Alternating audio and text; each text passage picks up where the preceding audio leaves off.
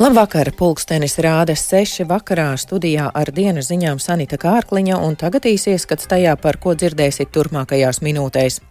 Apstiprināšanai valdībā valsts ieņēmumu dienesta ģenerāldirektores amatam virza Baibu Šmiti Roķi. Gaidāms, ka Lielbritānijas premjerministrs vizītes gaitā Kīvā paziņos par jaunu liela atbalsta paketi Ukrainai. Un vēl nozīmīga diena šodien maestro Raimondam Paulam. Viņš svin 88. dzimšanas dienu. Par šiem un citiem tematiem plašāk ziņu turpinājumā.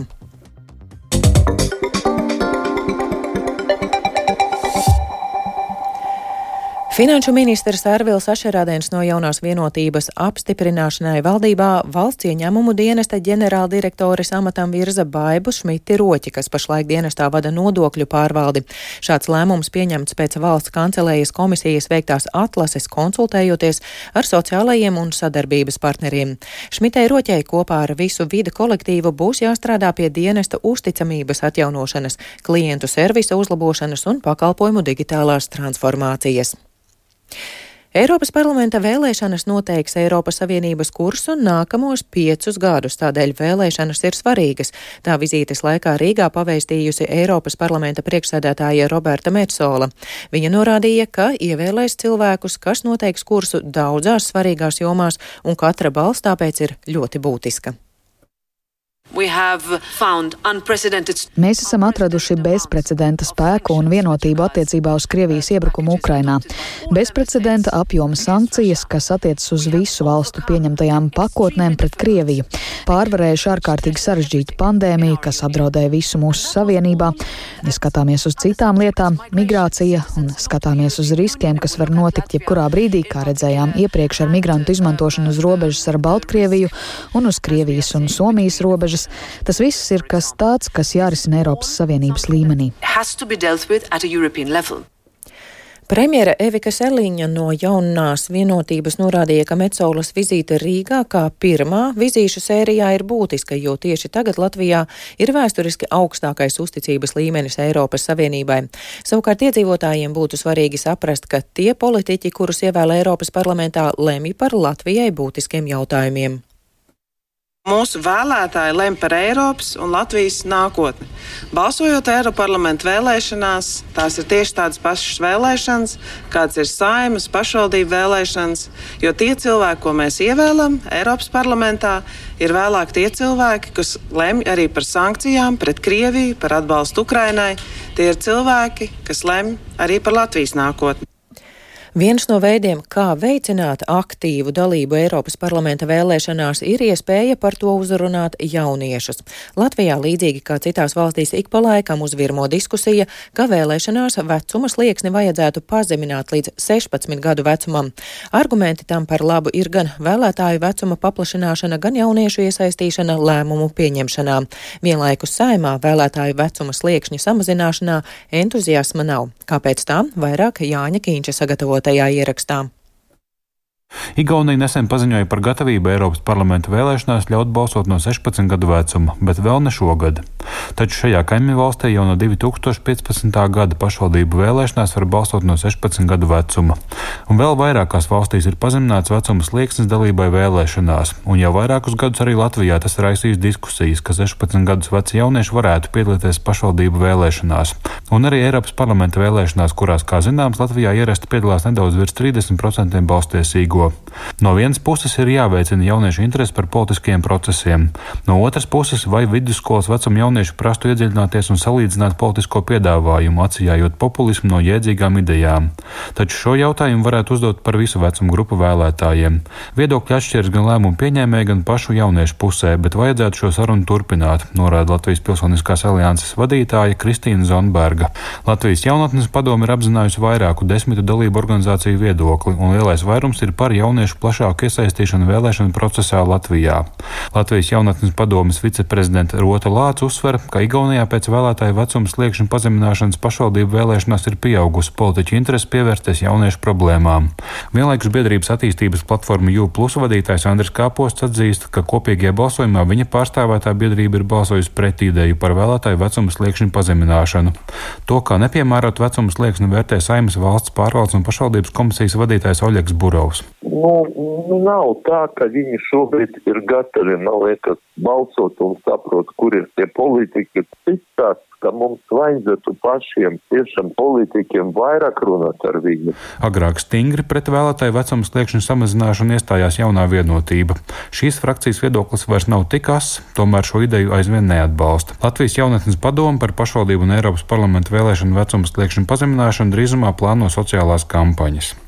Vienlaikus pilsoņu iniciatīvām par šo tematu portālā Mana balss LV pašlaik atsaucība ir salīdzinoši maza. Jānis Kincis, Latvijas Radio.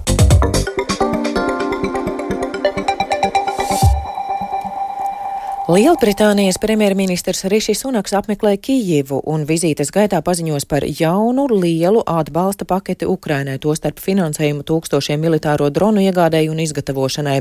Tikmēr Lielbritānijas militārais izlūkdienas savā pēdējā ziņojumā klāsta par Ukrainas bruņoto spēku panākumiem, izmantojot bezpilota lidaparātus dienvidu frontē, turpina Rustam Šukūrovs. Lielbritānijas premjera biroja izplatītajā paziņojumā teikts, ka viņš ieradās Ukrainā, lai nodotu vienkāršu vēstījumu par to, ka apvienotā karaliste nepārtrauks atbalstīt Ukrainu. Es saku visiem ukraiņiem, Lielbritānija ir ar jums tik ilgi, cik nepieciešams, paziņoja Sunaks.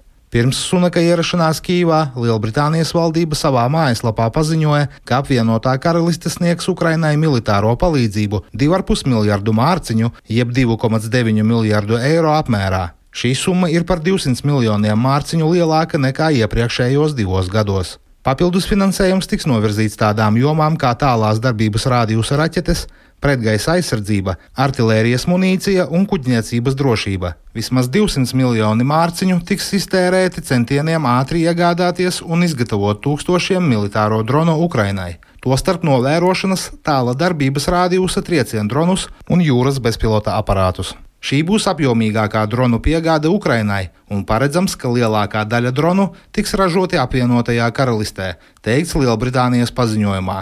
Sunaks tikmēr atrodoties Kīvā uzsvēra, ka Lielbritānijas sniegtā atbalsta apmērs liecina, ka Londona izprot to, kādā situācijā Ukraina šobrīd atrodas. Neilgi pirms Sunaka ierašanās Kīvā Lielbritānijas militārais izlūkdienests publicējis ziņojumu, kurā norāda uz Ukrainas bruņoto spēku panākumiem, tehnoloģisku karadarbības spēju, tostarp dronu pielietojumā Helsonas apgabalā. Ukrainas karaspēks, kas bāzējas Dņipras upes austrumu krastā, izmanto bezpilota lidaparātus un artilēriju, lai iznīcinātu Krievijas militāro tehniku, teikt ziņojumā. Tāpat savā ziņojumā Britu izlūki atsaucas uz kādu Krievijas militāro blogeri, kurš ziņoja, ka Helsonas apgabala Krinku ciema tuvumā iznīcināti 90% Krievijas militārās tehnikas. Britu izlūki atzīmē, ka tik būtiski iebrucēju tehnikas zaudējumi visticamāk ir skaidrojami ar Krievijas elektroniskās kara darbības spēju trūkumu. Rustums Šukurovs, Latvijas Rādio. ASV, Lielbritānija un vēl astoņi sabiedrotie šodien norādīja, ka naktī īstenotie kopīgie gaisa triecieni ar nemierniekiem saistītajiem mērķiem Jemenā veikti, lai atjaunotu stabilitāti sarkanajā jūrā. Valstu valdības uzsver, ka triecieni iecerēti, lai sagrautu un mazinātu hutiešu iespējas apdraudēt globālo tirdzniecību un starptautisko jūrnieku dzīvības. Tikmēr vairākas valstis paudušas nosodījumu šiem triecieniem. Nav izslēdzams, ka triecieni varētu pārvērst saspīlēto situāciju tuvajos austrumos iesaistītos plašākā konfliktā, kurā ASV un Izrēla nostātos pret Irānu un tās sabiedrotajiem reģionā. Vairāk stāsta Rihards Plūme. Rietumvalstu īstenotos triecienus šodien nosodījušas vairākas valstis - Krievija, Omāna un Irāna. Tikmēr Sauda Arābija paudusi nopietnas bāžas, savukārt Ķīna aicinājusi visas puses rīkoties, lai novērstu konflikta eskalāciju. Viedokli paudis arī Turcijas prezidents Reģeps Teips Erdogans, pēc kura domām Britu un Amerikāņu veiktie triecieni nav bijuši samērīgi, kas liekot domāt par šo valstu vēlmi pārvērst sarkano jūru par asinspirti. Tikmēr Vācijā atkal uzvirmojušas diskusijas par galēji labējās partijas alternatīva Vācijai aizliekšanu. Par iemeslu tam kļuvis pētniecisko žurnālistu atklājums, ka šīs partijas politiķi ir tikušies ar uzņēmējiem un neonacistiem, lai apspriestu deportācijas. Tās potenciāli skārtu miljoniem Vācijas pilsoņu, kas nesot pietiekami asimilējušies. Turpinājumā pētnieciskā izdevuma korektīvu galvenā redaktora Justufa von Danielsa un Vācijas parlamenta deputāta Roderiha Kīzevetera teiktais. Hier zeigt sich, dass äh, selbst hochrangige AfD. Tas parāda, ka pat augsti stāvoši partijas alternatīva Vācijai politiķi aiz slēgtām durvīm izsaka radikālas labējās pozīcijas, ko publiski viņi nekad tieši neatzītu. Tas, protams, apliecina radikālismu šajā partijā. Tas zeigt eindeutig, dass die AfD entgegen aller Tas skaidri parāda, ka par spīti visiem mierinājumiem alternatīva Vācijai kļūst arvien radikālāka un tuvinās labējam ekstrēmismam. Mēs nedrīkstam izslēgt nekādus rīcības scenārijus līdz pat iespējamai partijas aizliegšanai.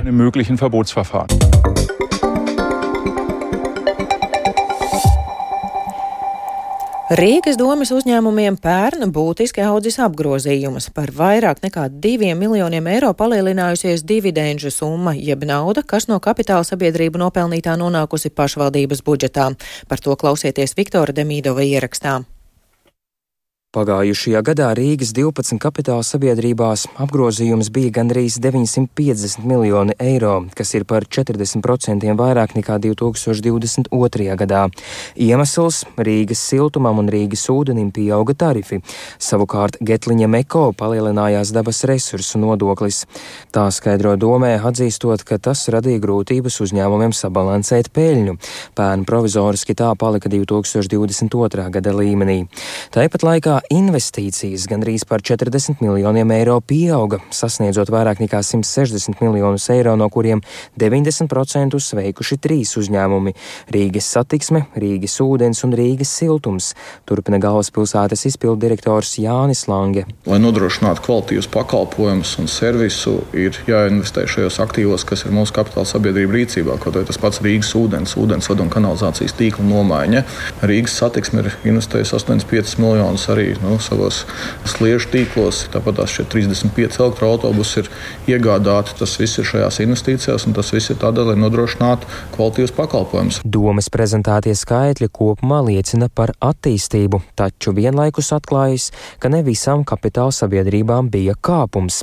Tā secina Rīgas Stradiņa Universitātes starptautiskā biznesa un ekonomikas katedras lektors un Siguldas novada domas vadītājas vietnieks Kristaps Zaļais. Kopējā šī bilants liecina tomēr par uzņēmumiem, kam iet ļoti labi, piesim šiem trīs, kas nodrošina pamatu, un tomēr citiem kapitāla sabiedrībām, kurām tomēr ir kaut kādi mājas darbi vai izaicinājumi arī vai mērķi, saucam kā gribam, nākamajā gadā, kas jau visu šajā gadā jāliek. Par labu pašreizējo virzību sauc Rīgas apkaimju aliansē, sakot, ka beidzot var novērot šīs domas sasaukuma darbu. Taču vai rīdznieki sākuši dzīvot labāk, organizācijas vadītājs Māris Jansons to nesaskata. Viktors Demidovs, Latvijas radio. Nozīmīga diena šodien ir maestro Raimondam Paulam. Viņš svin 88. dzimšanas dienu. Īpašu sveicienu ar programmu Paula Ballīte viņam sagatavojas Latvijas radio, un sveicienus dzimšanas dienā maestro vēlē arī iedzīvotāji, ko uzrunājām Rīgas ielās. Daudz baltu dieniņu, laimīgā dolī! Tas ir vesels laikmets latviešu mūzikā. Tā ir spēja izteikt tautas dvēseli, mentalitāti, milzīgs talants, dievdots. Nu, Raimons Pauls manā dzīvē nozīmē asociēšanos ar latvietību kopš maziem gadiem. Un... Visu savu dzīvi pavadīju pie Raimonda Paula mūzikas, vēl joprojām ļoti skaista, tāda, kad eh, patīk, eh, man liekas, visām vecuma grupām.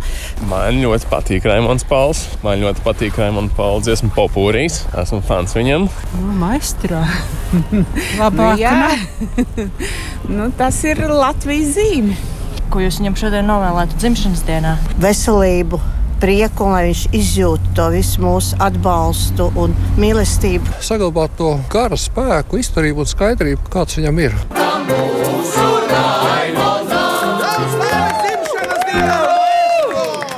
Paldies jums! Es jums visiem novēlu. Nu, turieties, nu, censīsimies saglabāt to Latvijas dziesmiņu. Nu, paldies! Ar to izskan dienas ziņas sešos vakarā. Producents Edgars Kupčs ierakstus montēja Renārs Šteimanis pie skaņu pults Katrīna Bramberga, bet studijā Sanita Kārkliņa un vēlreiz īsumā par dienā svarīgāko. Apstiprināšanai valdībā valsts ieņēmuma dienesta ģenerāldirektoras amatam virza Baibu Šmiti Roķi. Gaidāms, ka Lielbritānijas premjerministrs vizītes gaitā Kīvā paziņos par jaunu atbalsta paketi Ukrainai, un vēl nozīmīga diena šodien maestro Raimondam Paulam, viņš svin 88. dzimšanas dienu. Rīgā pat labam plus 1 grāds ziemē rietumu vēju brāzmās 13 metri sekundē, atmosfēras spiediens 753 mm un gaisa mitrums ir 97%. Taču kāds laiks mūs sagaida turpmāk stāsta Ilze Golubeva. Sesdienas nakts Latvijā būs augsta. Gaisa temperatūra būs no mīnus 5 grādiem jūras piekrastē līdz pat mīnus 20, mīnus 22 grādiem valsts galējos austrumos. Nakts sākumā vēl vietām sniks un putinās, bet piekrastē pūtīs brāzmaiņas vējš. Tomēr jau nakts otrajā pusē nokrišņi mitēsies, debesis vietām skaidrosies, un arī rīt dienas lielākā daļa aizritēs bez sniega. Tomēr vakarpusē atkal mūsu teritoriju sasniegs jauna nokrišņu zona. Dienas laikā gaisa temperatūras sasniegs mīnus 3, mīnus 8 grādus, vienīgi austrumos vēl būs vēsāks, tur mīnus 9, mīnus 14 grādi. Sausa Latvijā turpināsies vēl visu nākamo nedēļu, tāpat bieži sniks.